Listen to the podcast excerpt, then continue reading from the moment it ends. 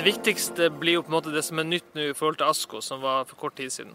Og Der er det tre ting som står ut. eh, To internasjonalt og én lokal. Eh, internasjonalt så er det den aller viktigste er nok Andromeda-studien fra Jansen, som er en førstelinjestudie for lettkjedde lettkjede amyloidose, AL-amyloidose. Og det er den første førstelinjestudien eh, som virkelig viser en stor forbedring av resultatet ved amyloidose.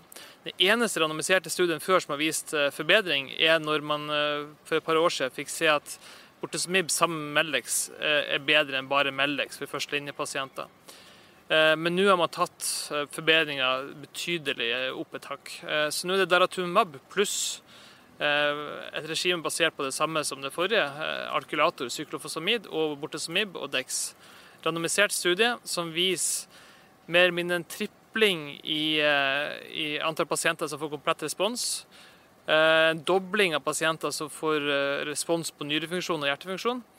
Og en mer eller mindre dobling av enten tid til neste behandling eller tid til svikt i behandlinga. Så det er virkelig et framskritt. Og jeg tror dette danner nok grunnlaget for at daratumab blir det første godkjente medikamentet for amyloidose i førstelinje noen gang. Eh, Så det er veldig spennende. Hva er det som gjør at dette legemiddelet har så betydelig sterkere effekt enn andre? Det er jo et stort og vanskelig spørsmål. Hvis det gjelder amyloidose, så har vi sett i fase 2-studier at dette medikamentet gir veldig gode responser, bedre enn vi har hatt på mange andre ting. Jeg tror kanskje forskjellen til, til der det også er godt, er at eh, Men det ser kanskje enda bedre ut på amyloidose. Er at eh, daratumab er på en måte avhengig av et velfungerende immunforsvar for å virke best mulig. Og Ved amyloidose så har du ikke den immunsuppresjonen som du har ved, ved, ved BMS-kreft, myelomatose. Eh, og det gjør nok at det, det normale immunforsvaret hjelper til enda mer enn det gjør på myelomatose. Eh, vi ser også på myelomatose at medikamentet ikke er så godt ved tilbakefall eh, alene, men hvis du kombinerer det med, med et IMID, som også er immunstimulerende, så er effekten mye bedre. Så daratumab trenger immunsystemets hjelp for å få til den best mulige effekten. Og I amyloidose er det lettere å få til eh, fordi de har et normalt immunforsvar i utgangspunktet. Hvilke andre studier er det du har bitt deg merke i? Eh, Den som man eh, ellers la mest merke til, er jo Ikema-studien som var late breaking abstract. Eh, tilbakefallsstudie der man eh, eh, i en randomisert fase kontrollerer Carfilzomib Dex, som er en standard også i Norge, eh, med og uten Isatuximab, som jo er et, et antistoff i slekt med daratumab. De angriper det samme, samme overflateproteinet på cellene. Så Isatuximab kommer til å bli en sterk konkurrent til daratumab.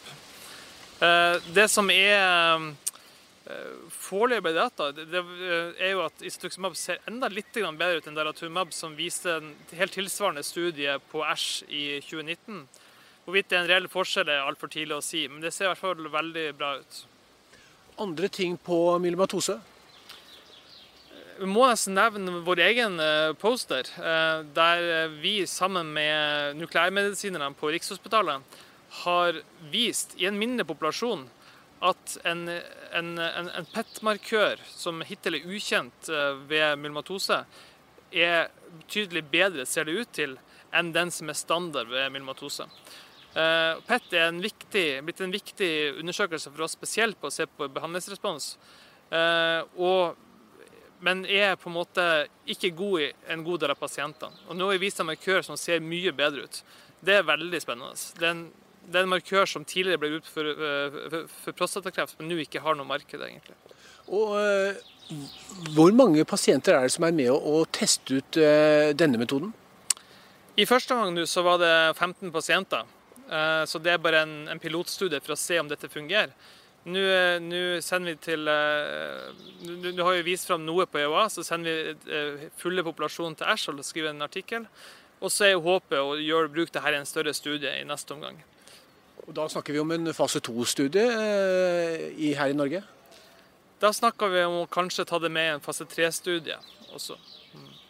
Vi, under ASKO-oppsummering så var vi litt inne på andre typer legemidler. Vi, vi jo, var inne på CAR-10. Der Innenfor myelomatose så har jo ikke disse immunsjekkpunkthemmerne PD1, PDL1 og, og CTLA4 hatt så særlig sterk effekt som de har hatt innenfor en del andre kreftformer. Men, men der har vi altså eh, CAR-10.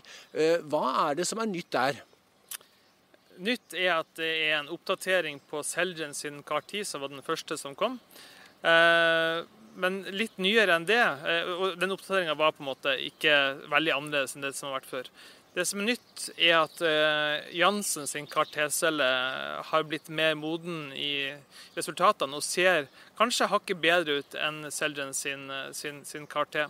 Uh, det er jo mange firmaer som har CAR-T nå, så hvilken som kommer til å ende opp som den beste, det vet jeg ikke. Og de er, i motsetning til andre medikamenter som kan ligne på hverandre, så er CAR-T-cellene ganske forskjellige. Eh, så det er på en måte nye produkter, selv om prinsippet er det samme. Så det er veldig spennende. Eh, de ser, resultatene så langt ser bedre ut på, på Jansen sin enn på Celgen sin. Hva er det som gjør at eh, CAR-10 har en sterkere effekt enn den mer tradisjonelle immunterapien? Den tradisjonelle immunterapien det blir litt det samme som vi var inne på i stad, baserer seg veldig på at du har et fungerende immunforsvar.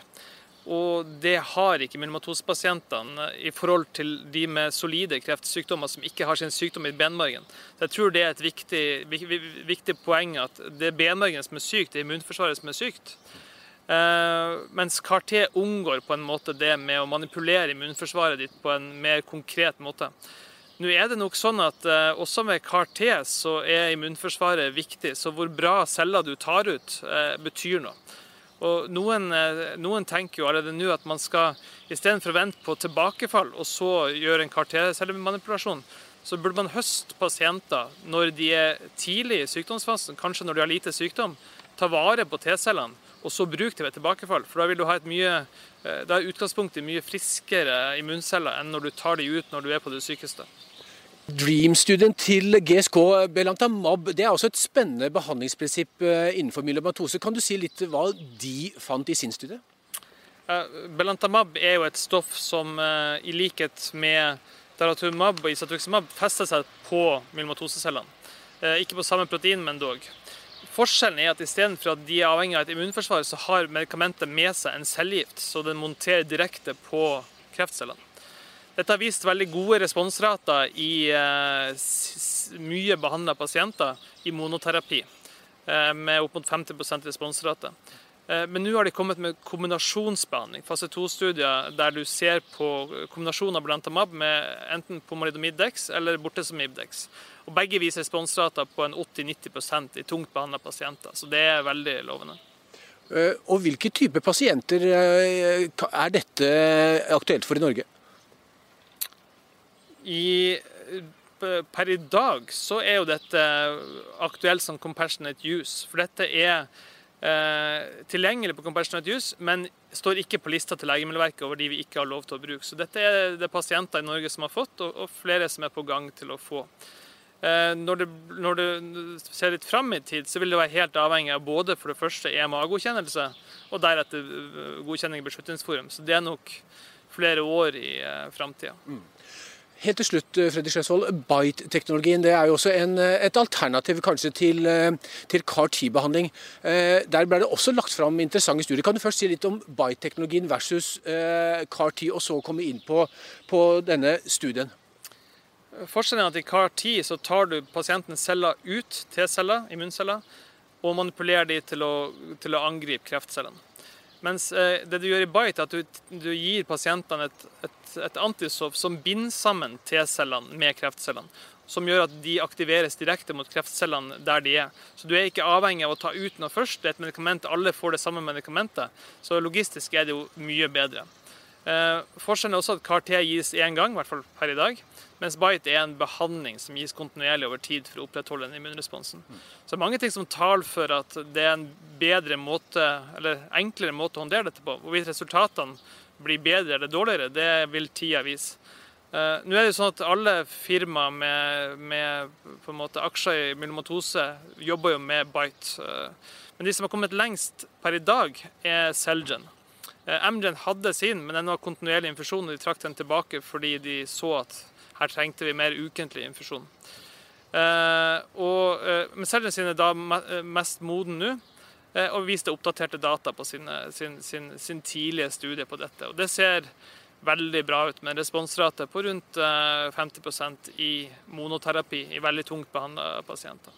Så Hvis vi oppsummerer E har, jo da, har det kommet studier som er hva skal vi si, nesten frapperende, mange studier som er frapperende mye bedre enn eh, det som er standardbehandlingen i dag. Er det en riktig observasjon? Det er det for så vidt, men, men, men mange av de tingene vi har snakka om nå, er ikke frapperende mye bedre enn det vi har sett på de siste kongressene. Men det, men det, er langt fra det vi har muligheten til å gi eh, i, i, i rutinepraksis. Hovedsakelig fordi disse medikamentene er ikke kommet så langt ennå.